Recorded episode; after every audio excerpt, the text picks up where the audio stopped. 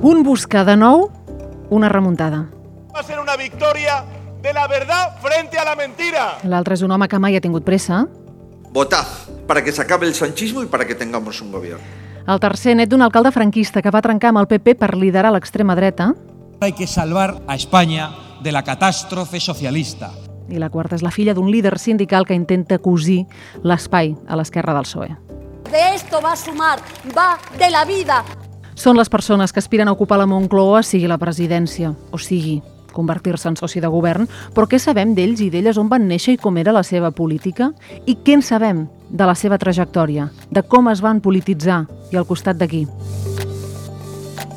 Soc la Carla Torró i avui a l'Ara, perfil íntim i radiografia política a l'1 per 1 dels candidats. Gerard Pruna, David Miró, què tal? Molt bon dia. Bon dia. Va a ser una victoria del progreso frente al retroceso, del futuro frente al pasado, de la verdad frente a la mentira. Pedro Sánchez va jugar a les categories inferiors de l'Estudiantes de jove, tot i que ell mateix reconeix que no era gaire bo. D'aquell passat esportista li ha quedat un esperit ultracompetitiu que el converteix en un adversari temible, a qui mai mai es pot donar per mort. David, així comences el teu perfil del president espanyol, de Pedro Sánchez, l'home de les remuntades. Uh, sí, diguem, jo crec que és el, la principal característica no? que, del seu caràcter, aquest esperit ultracompetitiu, i ara s'enfronta segurament a la que és la prova més difícil de la seva vida política. No? Veurem és... què és el que passa. Exacte, sí, sí, però, jo, però sí que crec que ell se sent especialment còmode en, aquests, eh, en aquestes situacions de, de, de a vida o mort, per dir-ho així. No?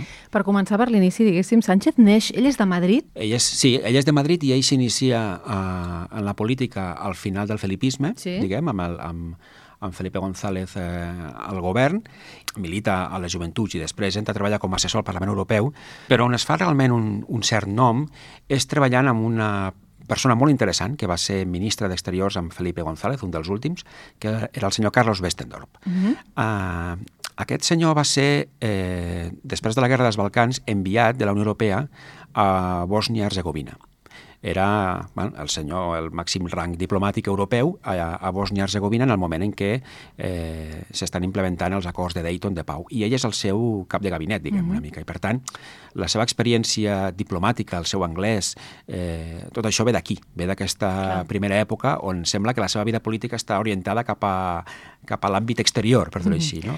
En canvi, ell és després regidor de l'Ajuntament de, de, De de, Madrid, Madrid, passa a ser sí. diputat el, el 2009, el 2011, i el que és sorprenent és que això, que quan havia sigut només, dipu només diputat, només regidor, Sí.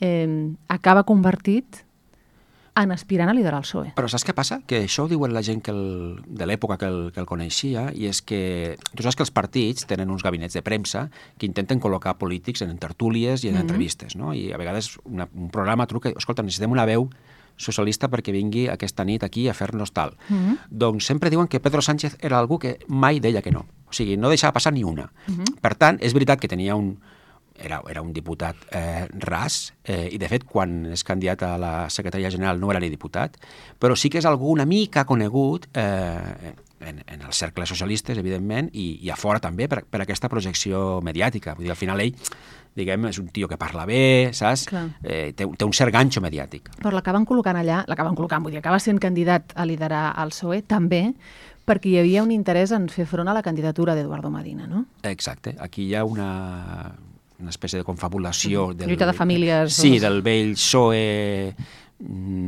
Felipe González, Susana Díaz, eh, aquests, eh, aquest PSOE ca- caoba que es diu, eh, contra Eduardo Medina, que es veia com el candidat de, de Rubalcaba en aquell moment, i, i Susana Díaz era la gran esperança blanca, però clar, ella acabava d'arribar en aquell moment a la presidència d'Andalusia, i per tant ella considera que no és el seu moment encara, que necessita uns anys de rodatge com a presidenta andalusa. No? eh, I per tant intentem trobar un, algú que faci com de... que sigui un titella, diguem, i que sigui durant un temps de transició, no? fins que ella arribi. I és quan Susana Díaz diu aquella famosa frase de, en una reunió, eh, diu, este chico eh, no sirve, però no sirve. No? Una mica. Que no sabien aleshores és que els acabaria Sí, sí. escombrant a tots a ells. Tots, a tots, a tots ells, sí, sí. Els escombra ells, guanya el pols amb Susana Díaz, precisament. En aquelles primàries en les quals ell ha sigut descavalcat i, i per tant, és, aquí ve l'èpica, no?, de quan ell es recorre en cotxe totes les agrupacions socialistes i després eh, arrasa. Acaba el govern també per una moció de censura, en fi, la història de Sánchez és la història del, del, del supervivent. No sé què et sembla la, la, la campanya que està fent avui, perquè és veritat que diem que és l'home de les remuntades, però aquesta remuntada sembla molt difícil, eh? Bueno, és que el, clar, el, el tema del cara a cara ha trencat una mica aquest relat. I si aquest cara a cara hagués sigut aquesta setmana, mmm, jo crec que hagués sigut bastant definitiu. Ara, havent sigut el, a inicis de l'anterior, és veritat que hi ha hagut un cert temps una mica per, per reconduir el, el relat i, i ells estan jugant amb la carta aquesta de Feijó mentider, mm -hmm. no? I això hem de veure quin efecte té. Segon candidat. Votad para que no haya bloqueos en el país, para que no haya bloques de un lado y del otro, para que se acabe el sanchismo y para que tengamos un gobierno.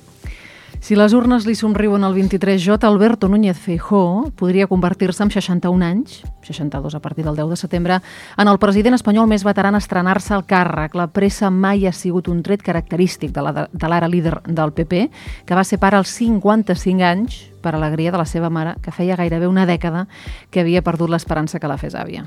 El meu fill està casat amb Galícia, però Galícia no em dóna nets, lamentava lacònica sovint. Gerard, així vas començar el perfil, la radiografia de, de Feijó, que és d'un petit poble d'Ourense, no? Sí, és dos Peares, un poblet molt petit de poc menys de 300 veïns, i, i que ell ara, curiosament, està explotant no? aquesta figura d'haver nascut al poble, tot i que realment ell hi va passar només 10 anys. Mm -hmm. De seguida va marxar a León, els pares el van enviar a un internat, que després ell diu que seria clau per tot el que ha acabat sent, la seva formació, diu que allà va aprendre a córrer. Mm -hmm. I, I després a seguida a Santiago, dret, és a dir, Ospeares és l'inici i ara i és la carta que ella explota una mica en contraposició amb un Pedro Sánchez de Madrid eh, de dir, jo sóc el primer president que vindrà d'un poble. poble. El que passa que ell a partir dels 10 ja dius que estava vivint a, a Santiago a Lleó, sí. i per tant... A... A, a partir dels 10 a Lleó. A Lleó. Sí. Ell somiava amb ser jutge, el que volia ser era jutge. Exacte. Ell volia ser jutge Uh, s'estava preparant les oposicions per això, però quan començava a preparar-se-les té la, una notícia familiar que, que li canvia la vida d'alguna manera, que és l'acomiadament del seu pare. El seu pare es queda sense feina i llavors uh, aquell, aquella suport familiar econòmic que tenia per poder estar-se els anys que necessités per fer les oposicions de jutge, que són les oposicions dures, que poden ser 5-6 anys, uh -huh. uh, no, no el tenia. És a dir, no podia permetre's uh, cinc anys sense treballar i només fent oposicions. Aleshores, la sortida que li apareix és preparar-se les oposicions a funcionaris de la Junta, que són més assequibles, i que ell es treu en 5-6 mesos, si no recordo malament. Mm -hmm. Um, I a partir d'aquí, uh, una circumstància imprevista l'acaba portant a una carrera política que avui el té a les portes de ser president de la Moncloa. Una circumstància imprevista. Sí, clar, al final ell no era els seus plans. Clar. Ell no volia ser polític, ell de fet ha fet gala moltes vegades, també perquè Feijó és un home que, que li agrada fer gala de tenir un perfil uh, heterodox, una mica, no? De dir, no sóc un polític a l'ús, un tio mm -hmm. que sempre vol fer política. Ell deia que desconfiava dels partits, va trigar moltíssim a afiliar-se al PP, fins al 2002 no ho fa, um, quan ja havia tingut càrrecs, etc.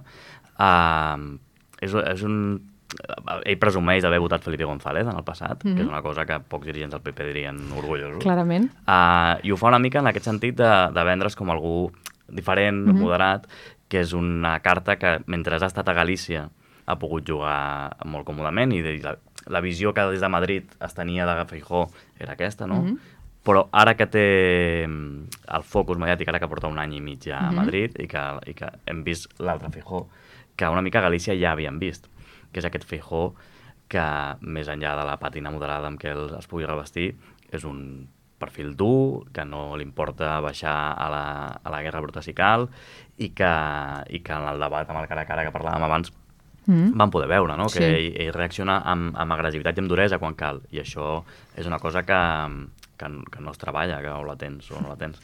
Ell arriba a ser candidat a la Junta no sé si per accident, però, no per accident, però sí pel xapapote, perquè no era l'home que estava previst. Clar, ell havia fet carrera a Madrid, en el fons, perquè ell, ell, ell té uh, un padrí principal, que és uh mhm. -huh. Romay Becaria, que és uh, un, un dirigent gallec amb un pes específic al PP molt alt, um, que és amb qui treballa la Junta en el terreny de sanitat. Quan Romay Becaria passa al govern d'Aznar a Salut, se l'emporta.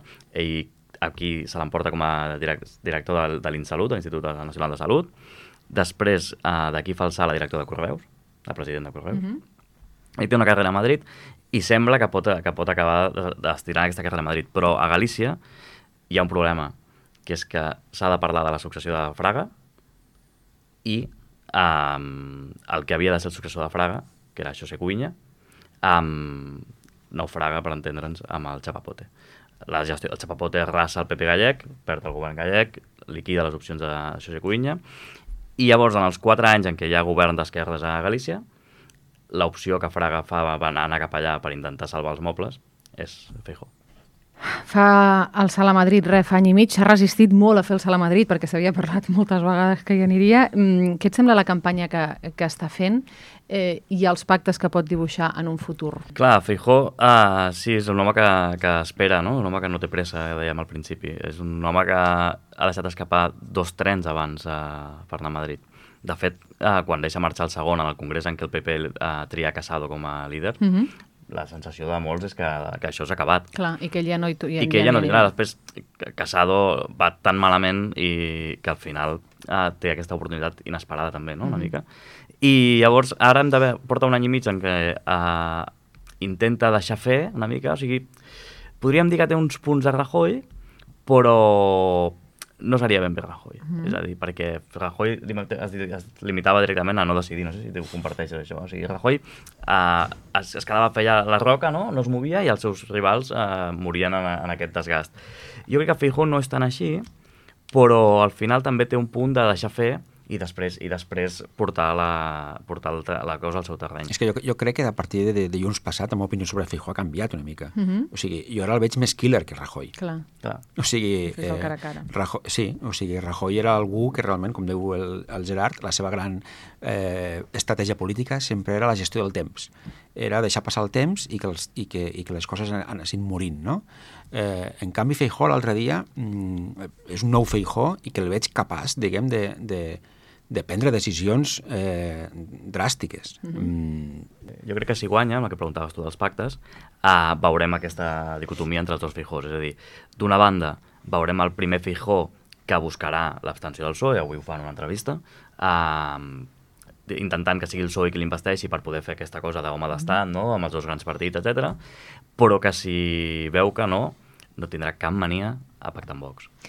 Doncs parlant justament d'aquest tercer candidat. En primer lugar, hay que salvar a España de la catástrofe socialista, de la mentira, de la ruina y de la traición que hemos padecido durante estos cuatro años. El Santi sempre ha pensat el mateix. Així opinen algunes persones que coneixen des de fa gairebé tres dècades el líder de Vox, Santiago Abascal. Així comença la seva crònica el nostre corresponsal a Euskadi, Òscar Bañuelos. Òscar, què tal? Bon dia, Egunon. Egunon, bon dia. Eh, Abascal és net d'alcalde franquista i expliques que no se li coneix cap feina remunerada en una empresa privada. Eh, Santiago Abascal siempre eh, ha tenido una, una motivación que eh, está relacionada siempre con, con, con, el franquismo, con la derecha española en, en Araba. ¿no? Su, su, abuelo fue alcalde franquista y su padre también ha estado siempre muy relacionado primero con la Alianza Popular y luego con el Partido Popular. Abascal entra prontísimo en la, eh, en la política a través de nuevas generaciones de, del Partido Popular y eh, tiene eh, una serie de cargos institucionales pero nunca ha sido muy, visible en la política institucional. ¿no? Estuvo en el Ayuntamiento del Audio, aunque él es de, de, Amurrio, entre el 99 y el 2007. Luego fue procurador en las Juntas Generales de Araba entre 2003-2004, un periodo breve, y posteriormente, y es su último cargo institucional que tiene en el, en el País Vasco, que es en el, en el Parlamento de Gasteiz eh, entre el 2004 y 2009. Eh, por cuestiones familiares, pues eh, viaja pues, familiares personales, se instala en, en Madrid y bueno, pues ahí sigue eh, más o menos sobre el manto protector de, del Partido Popular en la Comunidad de Madrid, sobre todo de, Esperanza Aguirre, donde eh, le colocan en una serie de, de, puestos que no son institucionales, son para institucionales, lo que ahora respectivamente él, él llama y Vox, la, la ultraderecha llama chiringuitos. ¿no? La verdad es que siempre eh, ha estado con cargos, si no internos, si externos eh, dentro, de los, dentro de los partidos políticos. No se le conoce, por lo menos yo no le conozco ningún trabajo ajeno a, a, la, a la cosa política. Expliques que moltes vegades ha fet una comparació entre Abascal i l'ara portaveu de campanya de, de Feijó, que és Borja Semper. Eh, coincidieron las nuevas generaciones y la verdad es que sus caminos han sido diametralmente opuestos, también su ideología. ¿eh? Mientras que Semper eh, camina hacia el centro, pues Abascal pues, es todo lo contrario, ¿no? lleva lo que es de la derecha a la derecha extrema, ultraderecha sí que tienen, aparte de la, de la, militancia y la edad, sí que tienen algo en común porque los dos eh, han estado marcados del clima de violencia, de la violencia política que hubo, que hubo en, el, en Euskal Herria en, en esos años. ¿no? Eh, siempre, Borja Semper siempre ha dicho que él entró en política por, eh, tras el asesinato de, de Goyo Ordóñez, de Gregorio Ordóñez. Y Abascal también eh, siempre, ha, siempre ha dicho que eh, su entrada en política, aparte de ese ADN que lleva de, de su, de su familia, abuelo franquista, eh, en, en, la alcaldía de Amurrio, su padre también, entra pues por la, por la cuestión de, de violencia política y esa lucha contra, contra ETA. Abascal trenca amb el PP el 2013 i ja ho fa una mica amb, amb, amb la idea al cap de liderar una nova formació. En un primer momento, yo creo que eso con, con el paso del tiempo no, no se sostiene, alegue, alega diferencias irreconciliables sobre, sobre ese Partido Popular de, de Rajoy, eh, el tema de, de, de los presos, y luego empieza a acuñar un término que sí que le ha servido durante, durante este tiempo, ¿no?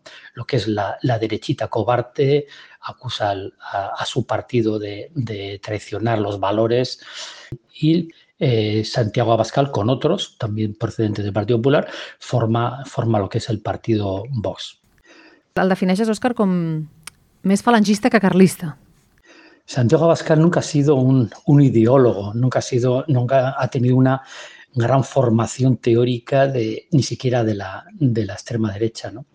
pero sí que ha tenido una serie de cuestiones claras, sobre todo por su eh, por dónde nace, ¿no? que es la lucha contra el separatismo, eh, la lucha contra ETA, eh, la defensa ultranza de la unidad de España, eh, de la bandera, del himno, de todos los, de esos valores patrios, Sí que es verdad que, ha hecho algunos libros de, ensayo, sobre todo copiando algunas ideas. Eh, yo creo que la más des, destacada es la de, la de Gustavo Bueno Martínez, eh, que, que habla de, de, sustituir lo que es el pueblo español, el concepto pueblo español, por el de nación española. Es totalmente esencialista.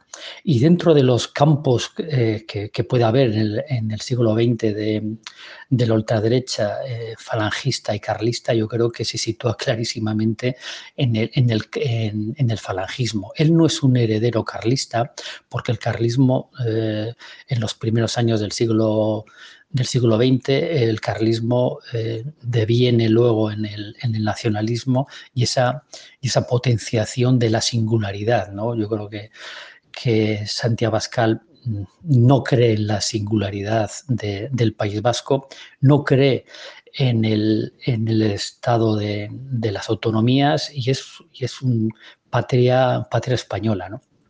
y seguramente pues eso es también lo que, lo que, hace, lo que hace llevar y coger algunos votos que, que, en estos momentos están fuera de lo que puede ser el régimen del 78, aunque él, si algo tiene también es que él es un prototipo con sus ideas extremas, un prototipo del, del régimen del, del, 78 y nunca, eh, lo, por lo menos de, momento, lo va, lo va, a, cuestionar, lo va a cuestionar.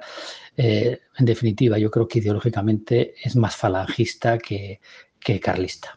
Òscar, eh, és que ricasco, que vagi bé. És que ricasco zuei, beste bat arte. A Vox veurem perquè el pot perjudicar el vot útil cap al PP. Sí, Vox té, un, té una paradoxa aquesta nit electoral, no? que, que és que segur que perdrà diputats, però en canvi pot tenir motius per l'eufòria si realment és determinant per un govern de Fijó. Uh -huh. Però la perspectiva és que perdi. I el quart nom? De esto va a sumar, va de la vida, va de ganar derechos, no va de un cuento de terror. No les tengáis miedo. L'escena és de 1972 a la presó provincial de Corunya. Una nena avança a poc a poc amb l'equilibri fràgil de qui fa poc que ha a caminar i un guàrdia l'acaba agafant en braços i la condueix a una sala on espera un home. És el pare de la criatura que està empresonat per haver-se manifestat contra la mort de dos obrers, o més ben dit, per no haver pagat la multa que l'imposaven per la protesta. Així comença aquest perfil que hem de publicar l'ara de Yolanda Díaz. Sí, l'únic perfil que falta és el que podrem llegir a partir d'aquesta nit al diari i que estàs fent tu, o sigui, que ens has d'explicar una mica qui... A veure si tinc temps. Ens has d'explicar una mica qui, qui és Yolanda Díaz, no? I què n'hem d'esperar. Jo començava amb aquesta escena, que és veritat que, eh, no, que és una escena que s'ha explicat i que s'ha conegut, però perquè és veritat que, com tots, ella està condicionada per la família que li toca i pel lloc on neix. No? I Fene, eh, que és on ella, és on ella eh, creix. De fet, a les cases que es van construir, ella creix a les cases que es van construir en règim de, de comparativa no? pels treballadors d'Estano, és un lloc clàssic de lluita obrera perquè estaven tots els treballadors d'aquest sector naval, del qual el pare, a més a més, n'era líder sindical. No? I és una figura molt important, la, la figura del, del, del pare que formava part de moltes d'aquestes negociacions, protestes i reunions dels treballadors. Això jo crec que s'ha explicat d'una manera molt romàntica en molts articles. La nena que estava escoltant a la sala on tot d'homes grans discutien no? sobre política, drets laborals i sindicalisme, però moltes de les persones amb les que hem parlat el que m'explicaven és que tot és una mica més mundà, en el sentit que en aquells anys no hi havia, hem de tenir en compte que no hi havia locals sindicals físics, no? moltes vegades les persones es reunien en domicilis eh, els dissabtes, en dinars, etc etc. i és veritat que ella eh, creix veient aquestes persones que estaven a casa seva directament, que estaven dinant el dissabte, és a dir, homes mm, de sindicats eh, que negociaven i que parlaven efectivament de política, no? El pare eh, té una trajectòria important i és una persona coneguda a Galícia perquè acaba ni més ni menys, no només, no només era membre del Partit Comunista, sinó que acaba sent eh, líder de comissions obreres a, a Galícia. I una cosa que a mi em fa molta gràcia és que el germà Bassó, eh, que això no sé si ho sabíeu, el germà Bassó del pare de Yolanda Díaz, és també era, estava en política, en aquest cas en el BNG, o sigui que un estava al Partit Comunista i l'altre al BNG, va ser diputat, de fet, al, al Parlament, i és una persona que només amb aquests, no, ja te n'adones només amb aquestes històries, que creix absolutament envoltada de persones molt i molt polititzades. No? Ella estudia dret i, de fet, obre un despatx a, a, obre un despatx a, a Santiago, però és veritat que entra també en política relativament jove. Primer ho fa fer rol, com a, acaba sent tinenta d'alcaldia en un pacte amb el PSOE que dura molt poc temps, i la gent que la coneix i la gent que la coneixia alhora ens diuen que això és important, que aquest episodi és important perquè ella aprèn, una persona que de jove era més radical, en posicions més radicals, eh, que trenquen molt ràpid aquell acord no? i que el que va passar allà li serveix després per entendre que, que els pactes i les coalicions no són fàcils. I un moment molt, molt important, jo crec, per entendre la figura de Yolanda Díaz i per entendre el que ha estat després l'esquerra espanyola, eh, ens situa el 2012, uh -huh. que és, us en recordeu, en aquell any líder eh, històric del nacionalisme gallec, eh, José Manuel Beiras, que es trenca sí, sí. Amb, amb el BNG. I llavors eh, es teixeix aquell acord que és no, de l'alternativa la, esquerda, alternativa esquerda galega, que és bàsicament una coalició de partits d'esquerres. Doncs en aquesta campanya electoral, en què Yolanda Díaz està amb Beiras i estan teixint aquest espai, apareix un assessor de nom Pablo Iglesias. Allà és on eh, comencen a treballar plegats, s'entenen molt i molt bé, la coalició, de fet, treu molt bons resultats, i, i la gent que hi era diu que Pablo Iglesias se n'adona de l'oportunitat que, que això del, del moment que es vivia a Espanya. Era 2012 i una mica se n'adona de l'oportunitat que hi ha d'obrir espais a l'esquerra del PSOE i comencen a teixir, a treballar en tot el que era, en tot el que era Podemos. Bé, és una relació que l'acaba portant, ja ho sabeu, a Madrid, fins a arribar al 2020 en què es converteix en, en ministre. Eh, ho fa de la mà de Pablo Iglesias, amb qui avui tenen una relació molt dolenta i que això la gent del seu entorn ens assegura que l'ha fet patir i molt. Ah, jo crec que el, el tret mm, diferencial de Yolanda Díaz és també la dicotomia que hi ha o la dissonància entre la, entre la imatge que ella transmet, que transmet una, una imatge de, de persona pròxima, afable, moderada, fins i tot, la manera de vestir, vull dir, no, no estàs veient allà una icona de l'extrema esquerra, no? no estàs veient algú com el Pablo Iglesias mateix, amb la mm. cua, els texans, vull dir, ella no vesteix d'aquesta manera, no? Ella és com una líder socialdemòcrata de tota la vida, sueca. Eh, però en realitat, aquesta cosa afable que té i que els periodistes coneixem, perquè de seguida és molt carinyosa i et fa petons i t'abraça i tot, no sé què, eh, amaga un personatge o una, una política mm, més dura del que sembla. Com creieu que li anirà i com veieu la campanya que està fent? Aviam, és una campanya que va començar molt llastada pel, pel mateix debat intern, no? És a dir, per la, pel que dèiem, per la relació amb l'Iglesias, per la dificultat de sumar Podem en aquest, en mm -hmm. aquest Mhm. projecte. Llavors, això li va treure una mica de, de, del vent de cua que hagués pogut portar si això hagués sigut un moviment molt més plàcid. És a dir, perquè el que havia de ser la major unió de l'esquerra a la història d'Espanya gairebé des del Front Popular eh, acaba sent eh, un, un experiment que, que neix coix perquè les ferides internes són evidents des del minut 1.